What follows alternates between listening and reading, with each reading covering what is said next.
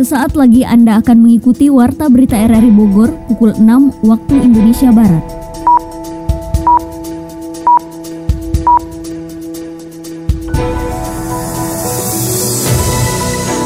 Selamat pagi, salam jumpa. Kami kembali hadir dalam Warta Berita pagi ini Kamis 19 Oktober 2023. Berikut kami sampaikan berita utama. Kemenkumham menyebut pencemaran di Sungai Cilengsi merupakan pelanggaran hak asasi manusia.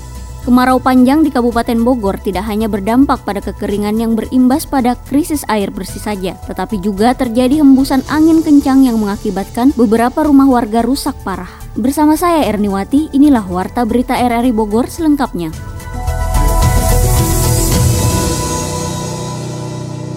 Kemenkumham menyebut pencemaran di Sungai Cilengsi merupakan pelanggaran hak asasi manusia. Adi Fajar melaporkan.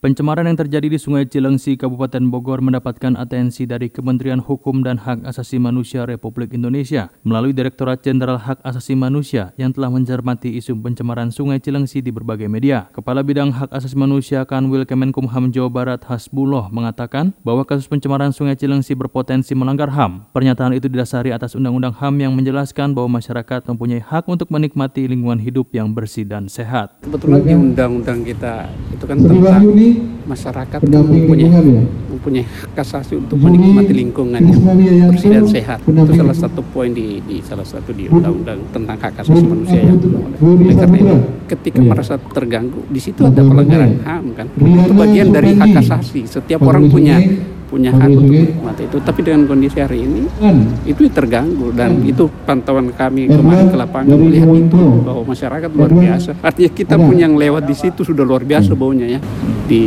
jembatan. Dan itu kan kompleks orang mewah ya. Bagi saya itu orang menengah atas. Dalam Perpres 60 tahun 2023, Hasbullah juga menerangkan bahwa perusahaan memiliki kewajiban untuk menjaga lingkungan dengan melakukan pengawasan serta pengendalian. Pemerintah juga memiliki tugas melindungi hak asasi masyarakat di sekitarnya agar tidak ada pelanggaran lingkungan yang dapat berdampak terhadap masyarakat. Karena menurut Hasbullah, ke depan jika ada perusahaan yang melakukan tindakan pencemaran lingkungan akan masuk dalam daftar hitam yang diketahui oleh dunia ada Perpres nomor 60 tahun 2023 ini baru ditandatangani Presiden itu tentang strategi nasional bisnis dan HAM. Oh, oh iya. Perusahaan-perusahaan ya? itu ada kewajiban iya. Oke, untuk nanti Yabung nanti tidak bisa melakukan pencemaran lingkungan lingkungan. Ada tiga kewajiban besar bahwa eh, perusahaan-perusahaan itu dalam melakukan proses produksi dan sebagainya, dia harus mempertimbangkan hak asasi manusia. Artinya tadi itu kebersihan dan sebagainya. Dan itu perusahaan harus ada punya kewajiban untuk melakukan bagaimana pengawasan tentang yang disampaikan, bagaimana limbahnya tidak mencemar lingkungan. Dan di situ juga pemerintah punya kewajiban untuk melakukan pemantauan. Karena ke depan perusahaan-perusahaan yang melakukan apa pelanggaran lingkungan itu kan menjadi isu internasional. Dia tidak akan bisa bersaing nanti akan akan di blacklist di secara internasional, Pak. Sebelumnya, PJ Gubernur Jawa Barat B. Mahmudin meminta masyarakat terlibat aktif dalam pengawasan di Sungai Cilengsi. Bahkan ia meminta bagi masyarakat yang memiliki bukti pelaku pencemaran untuk segera mengirimkan ke Pemprov Jawa Barat agar pemerintah dapat menindak tegas dengan berdasarkan bukti tersebut. Seperti apa beberapa kali di beberapa termasuk di Bekasi dan di Cilengsi itu yang sulit itu pembuktiannya itu barang bukti yang sulit sekali. Jadi kita tahu ada e, limbah di Cilengsi, masyarakat sudah mengadukan berkali-kali ke kami Cilengsi Bekasi tapi tetap karena barang buktinya ya Pak secara hukum itu sulit sekali membuktikan. Jadi akhirnya tidak kena sanksi itu yang jadi kita mohon bantuan masyarakat juga kalau memang punya barang bukti atau foto segala macam kirim ke kami sih saat ini pemerintah Kabupaten Bogor telah membentuk Satgas Sungai Cilengsi sebagai respon dari pencemaran sungai yang sering terjadi. Masyarakat berharap peran Satgas dapat dimaksimalkan agar kasus pencemaran serupa tidak terulang kembali karena banyak merugikan masyarakat. Sementara itu, pelaku pencemaran limbah B3 di Kali Satreskrim Polres Bogor dan sudah naik pada tahap penuntutan di Kejaksaan. Yofri Haryadi melaporkan. Pelaku pencemar limbah B3 di Kali Cilengsi, Kabupaten Bogor sudah diproses hukum. Dokumen penindakan hukum dalam perkara tersebut sudah ditangani Satreskrim Polres Bogor dan sudah naik pada tahap penuntutan di Kejaksaan menunggu proses persidangan di pengadilan. PLT Kepala Dinas Lingkungan Hidup Kabupaten Bogor Bambam Setiaji mengatakan telah membentuk tim pemantau untuk mengawasi pelaku pembuang limbah terutama pabrik di Sungai Cilengsi. Tim pemantau terdiri dari Satpol PP, PPNS Kemenkumham, Kanwil Jabar, Bandar, Polres Bogor, Garnisum 0606, Subdenpol 31, Siliwangi, dan Kodim 061 Kabupaten Bogor. Jawab apa sampai saat ini? Itulah sudah tahap dua, tinggal proses pelimpahan. Kita tunggu nanti. Mungkin minggu ini kita limpahkan, lalu penetapan persidangan kita lakukan sidang. Itu berapa hari lagi Pak? Mungkin minggu ini Minggu ini atau minggu depan. Masih ada 20 hari kita diberi kesempatan untuk melakukan penahanan tahap dua. Sabar ya teman-teman, nanti kita akan ceritakan. Ya. Sementara masih melengkapi berkas. Ini tanyakan kasih reskrim aja yang kita yang teroris ya. Hmm.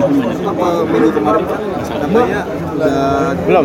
oh, belum dikembalikan Masih ada pelengkapan yang belum dilengkapi. Di sepanjang bantaran Sungai Cilengsi juga berdiri banyak perumahan warga yang juga harus diawasi penuh ke mana limbah rumah tangganya tersebut dibuang. Beberapa di antaranya juga terdapat pelaku UMKM seperti produksi tahu dan tempe yang ditengarai membuang limbah ke Kali Cilengsi. Kepala Bidang Penegakan Hukum dan Pengelolaan Limbah B3 Dinas Lingkungan Hidup DLH Kabupaten Bogor Gantara Lenggana menambahkan penindakan hukum DLH ditujukan untuk usaha yang sudah berizin. Sementara untuk usaha UKM dan UMKM dibina langsung melalui Pol PP dan instansi terkait.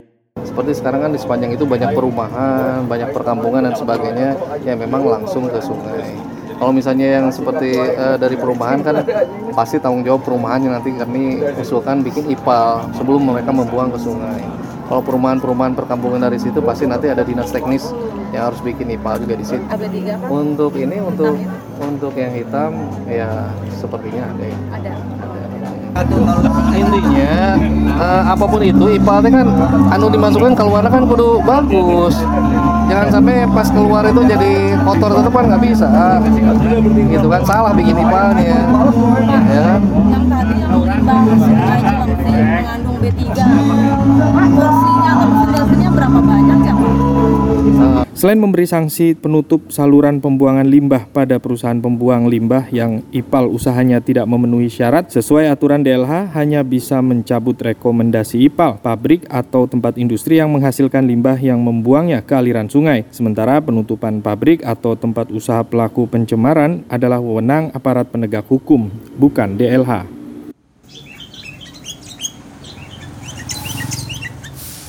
Pagi Ce Oom. Loh, kenapa anak-anak kepada berangkat sekolah Ce? Ah, nggak usah Bu RT. Dah si Neng mah bentar lagi ge bakal saya kawinin. Kalau Hanif suruh bantuin bapaknya dagang. Ya, si Neng mah masih keneh muda. Masa mau dikawinin? Hanif juga kan paginya bisa sekolah. Pulangnya baru bisa bantuin dagang. Biayanya gede nyekolahin anak mah. Yang penting bisa baca tulis. Mending uangnya dipakai buat modal. Ulus, cece. Anak-anak punya hak mendapatkan pendidikan loh. Kalau mereka sekolah tinggi dan sukses, pasti bapak ibunya ikut bangga. Bener juga ya. Nanti teh bisa bantu ngegedein usaha bapaknya tuh. Iya. Ya udah kalau gitu, nanti diurusin lagi sekolahnya anak-anak. Terima kasih ya Bu RT. Anda tengah mendengarkan Warta Berita RRI Bogor. Wali Kota Bogor diminta segera meminta izin kepada Kementerian Dalam Negeri untuk melakukan rotasi dan mutasi pejabat di lingkungan Pemkot Bogor menjelang pemilu 2024. Sony Agung Saputra melaporkan. Pemerintah Kota Bogor saat ini terdapat sejumlah kekosongan jabatan untuk eselon 2 atau setingkat kepala dinas dengan adanya jabat yang memasuki masa purna tugas atau pensiun. Kelanjutan organisasi pemerintah Kota Bogor saat ini berjalan di SKPD terkait dengan adanya pelaksana tugas PLT kepala dinas yang untuk tetap bisa melayani masyarakat.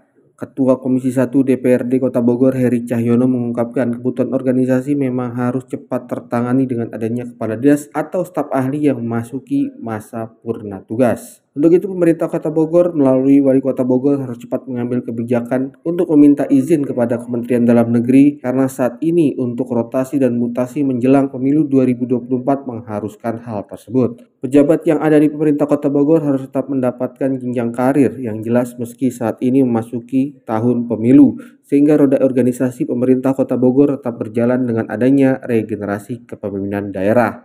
Kan yang yang terjadi kekosongan akibat dari berakhirnya masa jabatannya. Hmm. Banyak orang yang eh, sudah purna bakti ya sehingga jabatan tersebut kosong dan itu prioritas mutasi itu di disegerakan di di tempat mengisi posisi-posisi yang kosong aja. Jika harus minta restu Kemendagri harus segera ya? Iya, dilakukan. Karena kan aturan itu harus tidak terlalu berat minta izin. Menyikapi hal tersebut, Sekretaris Daerah Kota Bogor, Sari Pasopia menjelaskan selain perizinan Kementerian Dalam Negeri seharusnya pemerintah Kota Bogor bisa menggunakan box talent dari ketersediaan pejabat yang ada. Kebijakan tersebut memungkinkan karena merit sistem pemerintah Kota Bogor sudah mumpuni sehingga semua rotasi dan mutasi dapat mengambil dari box talent yang sudah mengikuti jenjang aturan kepegawaian yang berlaku. Belum ya, uh, kita masih sebetulnya kan di Kota Bogor ini kita sudah merit sistemnya sudah dapat nilai A ya, hmm. at least. Jadi itu boleh, iya boleh. Sebetulnya nanti pengisian eselon 2 itu tidak bidding, tapi hmm. menggunakan potensi yang ada. Kita ada ada ada talent, hmm, box talent, box talent gitu. Nah ini ini masih kita rapihkan, nanti juga kita akan ekspos ke KASN sambil nunggu arahan dari Pak Wali Kota. Meski demikian, hingga saat ini Wali Kota Bogor Bima Arya belum mengambil kebijakan atau memulai agenda rotasi dan mutasi karena saat ini mempelajari semua peraturan seperti menempuh jalur perizinan ke Kementerian Dalam Negeri. Kemarau panjang di Kabupaten Bogor tidak hanya berdampak pada kekeringan yang berimbas pada krisis air bersih saja, tetapi juga terjadi hembusan angin kencang yang mengakibatkan beberapa rumah warga rusak parah. Yofri Haryadi melaporkan. Kemarau panjang di Kabupaten Bogor ternyata tidak berdampak pada kekeringan yang berimbas pada krisis air bersih saja. Ternyata di tengah kemarau ini hembusan angin kencang melanda sebagian wilayah Kabupaten Bogor dan mengakibatkan rumah warga rusak parah. Staf Kedaruratan dan Logistik BPBD Kabupaten Bogor Hikmat mengatakan ada 27 rumah rusak di Kecamatan Caringin dan 23 rumah di Kecamatan Cigombong dan beberapa rumah terdampak bencana angin kencang di Kecamatan Taman Sari Kabupaten Bogor. Tidak ada korban luka maupun jiwa dalam peristiwa pada Senin 16 Oktober tersebut. Hanya sebuah gedung sekolah dasar negeri bagian atapnya tertimpa pohon tumbang. Anggota sumber semua sekarang. Dan sekarang kan dicampur dengan kita itu apa? Ngirim air. Jadi dibagi dua. Jadi laporannya belum ada baru gaji cepat sekarang. Di Taman Sari. Taman enggak Cigombong sama yang wilayah situ aja. Cigombong terus di Jeruk tapi ya dua-dua desa sih dua desa dua desa gitu tapi belum belum tahu ya baru dikaji cepat sekarang nanti hasilnya belum ini Rumah dengan atap yang rapuh, berbahan asbes dan bambu yang dipaku rentan, rusak terkena terpaan angin kencang. Sementara di sisi lain BPBD juga berupaya menghemat penggunaan air bersih untuk mendistribusikan ke zona rawan kekeringan di Kabupaten Bogor. Dalam kunjungan kerjanya di Kecamatan Kelapa Nunggal, Kabupaten Bogor, Bupati Iwan Setiawan menginstruksikan untuk membagikan toren air di daerah krisis air bersih. Toren tersebut akan diisi tidak hanya dari Pemkab Bogor namun juga CSR dari perusahaan swasta yang membantu air bersih kepada warga. Ya sumurnya udah kering, kadang ada, kadang tidak ada, walau ini daerah rendah, tapi tadi juga kami langsung kirim uh, toren yang 8.000 liter ke Bantar Jati menginventarisasi jangan sampai tangkinya ya, tapi bagikan dulu torennya nanti biar tangkinya keliling biar durasi waktunya cepat tapi uh, mudah-mudahan sih uh, di sini uh, sumbernya masih satu dua hari ada tiga harinya nggak ada katanya gitu uh, masih bisa lah kita bantu sebagian yang sebagian lagi uh, nunggu ada air yang mungkin nanti diatur oleh kadis dan camat. Pesan peran dari swasta sendiri pada di sini kan Tim reaksi cepat BPBD Kabupaten Bogor sudah melakukan penanganan pada korban angin kencang di wilayah itu dan sebagian besar rumah yang atapnya tersapu angin dapat kembali ditempati oleh penghuninya. Sementara pendistribusian air bersih masih dilakukan tanpa mengenal waktu pada warga yang membutuhkan air bersih. Berita ekonomi Pemerintah mengklaim Presiden Cina Xi Jinping berkomitmen untuk menggelontorkan beras 1 juta ton kepada Indonesia. Asosiasi Pengusaha Indonesia atau APindo masih menunggu revisi peraturan pemerintah atau PP 36 tahun 2021 tentang pengupahan. Selengkapnya disampaikan Adi Fajar. Menteri BUMN sekaligus Menko Marves ad interim, Erick Thohir mengklaim Presiden Cina Xi Jinping berkomitmen untuk menggelontorkan beras 1 juta ton kepada Indonesia. Komitmen disampaikan Xi Jinping, komitmen disampaikan Xi Jinping saat bertemu dengan dirinya, Presiden Jokowi dan sejumlah pejabat Indonesia di Beijing pada Selasa 17 Oktober 2023. Gelontoran beras diberikan untuk membantu Indonesia dalam menghadapi El Nino Selain bersepakat soal beras, Erik menyebut Indonesia mendorong kerjasama peningkatan perdagangan dengan Cina. Ini akan dilakukan melalui beberapa upaya seperti perluasan akses pasar produk pertanian dan perikanan Indonesia di negeri tirai bambu. Presiden Jokowi menyebut cadangan beras pemerintah di gudang Bulog mulai tiris. Oleh karena itu, impor beras hingga akhir tahun tak terelakkan. Jokowi menegaskan impor dilakukan karena produksi beras di tanah air berkurang lantaran kemarau panjang di masa El Nino. Sementara itu, Direktur Utama Perum Bulog Budi Waseso menyebut bahwa Cina berkomitmen menggelontorkan 1 juta ton beras demi membantu Indonesia. Komitmen itu memberi angin segar kepada Indonesia. Terlebih India yang merupakan salah satu pemasok utama beras ke Indonesia tengah menutup keran ekspornya. Asosiasi Pengusaha Indonesia APindo masih menunggu revisi peraturan pemerintah atau PP 36 tahun 2021 tentang pengupahan. Ketua Apindo Sinta Wekamdani mengungkapkan dunia usaha berhati-hati menentukan usulan kenaikan upah pekerja tahun depan karena adanya gelaran pemilu 2024. Apindo sendiri sambung Sinta belum bisa memperakirakan besaran kenaikan upah pekerja di Indonesia karena ada berbagai pertimbangan seperti pertumbuhan ekonomi dan inflasi di setiap daerah. Kemudian besaran kenaikan upah juga harus dibicarakan bersama melalui forum tripartit dan Dewan Pengupahan Nasional sehingga diharapkan bisa menemukan jalan tengah terkait besaran kenaikan upah di tahun politik mendatang. Selain faktor daerah dan dalam negeri, kondisi luar luar negeri juga bakal menjadi bahan pertimbangan kenaikan upah secara nasional. Menurut Cinta, nilai ekspor dan dunia usaha Indonesia belum benar-benar pulih, ditambah situasi global yang masih belum menentu. Berbagai kondisi itu diharapkan menjadi pertimbangan pemerintah untuk mengatur formula dan menetapkan kenaikan upah pada tahun 2024 mendatang. Dokumen pertahanan di setiap desa sekabupaten Bogor akan mendapat akses secara online melalui sistem migrasi data dari Dinas Perpustakaan dan Arsip Daerah Kabupaten Bogor. Yofri Haryadi melaporkan. Dokumen pertanahan di setiap desa di 40 kecamatan sekabupaten Bogor akan dapat diakses secara online melalui sistem migrasi data dari Dinas Perpustakaan dan Arsip Daerah Kabupaten Bogor. Bukti riwayat kepemilikan dan status tanah menjadi salah satu dokumen penting yang menjadi acuan perangkat desa dalam memberikan pelayanannya kepada masyarakat, terutama untuk peningkatan status tanah dari hak guna menjadi hak milik serta validitas tanah girik yang belum tercatat pada buku C Kas Desa. Dijelaskan kepada Kepala Dinas Pemberdayaan Masyarakat dan Desa Renaldi Fiansyah, sebutan buku C Desa kini dikenal dengan Daftar Himpunan Ketetapan Pajak DHKP, Bumi dan Bangunan 1 dan 2. Renaldi menegaskan catatan tanah yang terdapat pada buku C bukan menjadi bukti kepemilikan. Uh, letter C itu kalau tidak salah itu adalah DHKP saat ini. Kan sekarang ini desa ada DHKP ya, hmm. buku satu, buku dua. Ya. Nah itu sama. Hanya memang sampai di tahun-tahun tertentu kurang lebih sekitar tahun 80-an saya kurang fix ya. Hanya letter C yang dari tahun 80 ke sana kalau tidak salah itu yang bisa menjadi rujukan. Kalau ke sininya, kalau ke sininya itu harus ada surat keterangan luar tanah, bukti pembayaran PBB sebagai bentuk penguasaan fisik dan termasuk perbuatan hukum awal. Misalnya ada segel, ya kan, kemudian ada perjanjian kwitansi dan itu biasanya dijadikan dasar pada saat saya mengadopsinya PTSL lah. Nah, di program PTSL itu itu persyaratan-persyaratan itu yang harus dibuat. Peralihan hak dan jual beli tanah yang tidak tercatat pada DHKP akan dipindai secara digital saat pembayaran pajak bumi dan bangunan serta bukti surat keterangan penjualan seperti akta jual beli sebagai data awal tanah yang ada di satu desa saat ini ada program namanya uh, apa namanya kemarin tuh ya info data kayak gitu. Jadi buku C itu paling hanya bisa kita jadikan uh, rujukan dan itu sedang sekarang di migrasi data. Oh ya, migrasi data dari desa. Lagi proses. Betul, hanya tinggal beberapa desa yang belum dan nanti kantor arsip akan jadi rujukan pada saat buku C ada pengalihan, ada pemindahan, hilang misalnya. Nah, itu di kantor arsip kita punya dasar. Tapi tidak dengan serta merta desa misalnya kami perlu enggak itu ada proses misalnya siapa pengguna data tertinggi di kabupaten adalah Pak Sekretaris.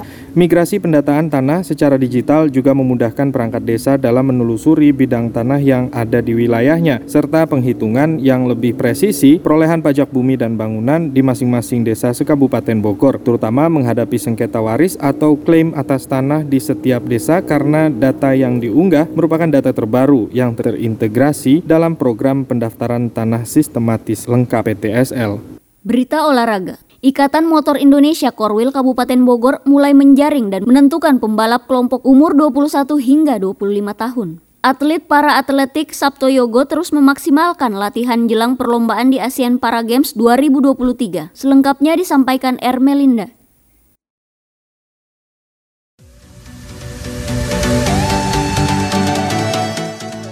Ikatan Motor Indonesia Korwil Kabupaten Bogor terus tancap gas memantapkan regenerasi atlet binaannya. Salah satunya mulai menjaring dan menentukan pembalap kelompok umur 21 hingga 25 tahun. Hal tersebut dikatakan langsung Dudi Mulyadi Sekum IMI Kabupaten Bogor. Menurutnya meski regulasi belum muncul untuk Porprov Jabar 2026 mendatang, namun persiapan pembalap terus dilakukan bekerja sama dengan klub yang ada di bumi Tegar Beriman untuk menjaring cikal bakal pembalap yang bakal diterjunkan di perhelatan olahraga bergengsi bergengsi Setana Pasundan.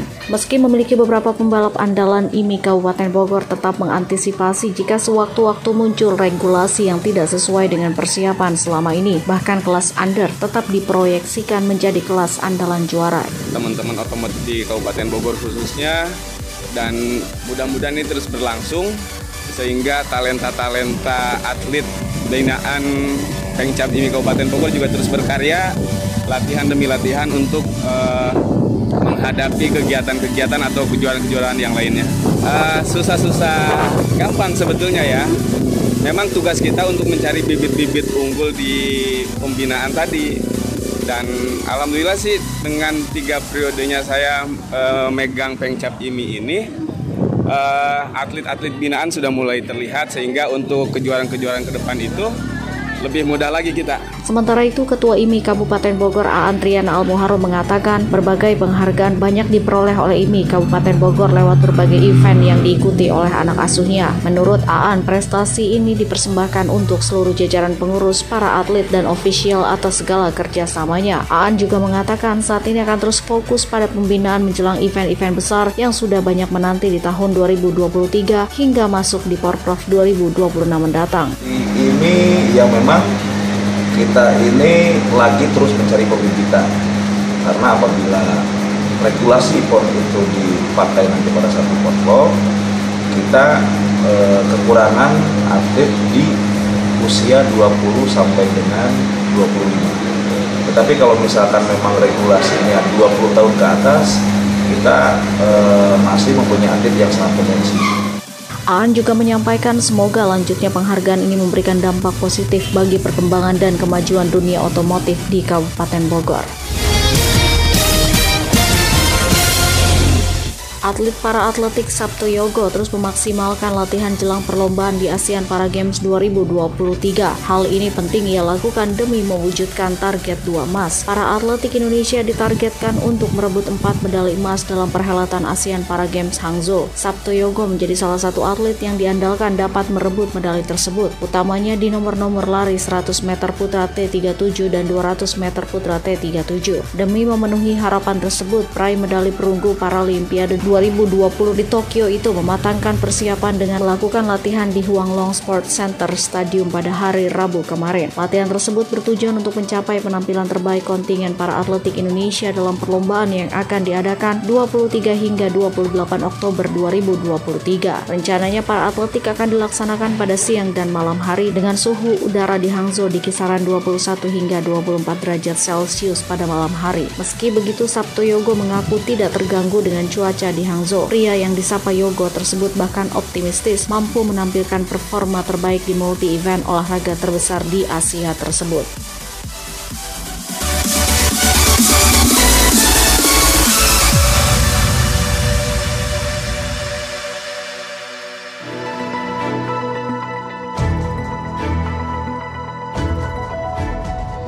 Demikian informasi yang dapat kami sampaikan dan berikut kembali kami sampaikan berita utama hari ini. Kemenkumham menyebut pencemaran di Sungai Cilengsi merupakan pelanggaran hak asasi manusia. Kemarau panjang di Kabupaten Bogor tidak hanya berdampak pada kekeringan yang berimbas pada krisis air bersih saja, tetapi juga terjadi hembusan angin kencang yang mengakibatkan beberapa rumah warga rusak parah. Saudara, siaran ini dapat Anda dengarkan melalui podcast kami di Spotify, Anchor, Potile, dan Google Podcast. Mewakili kerabat kerja yang bertugas hari ini, saya Erniwati mengucapkan terima kasih. Selamat pagi.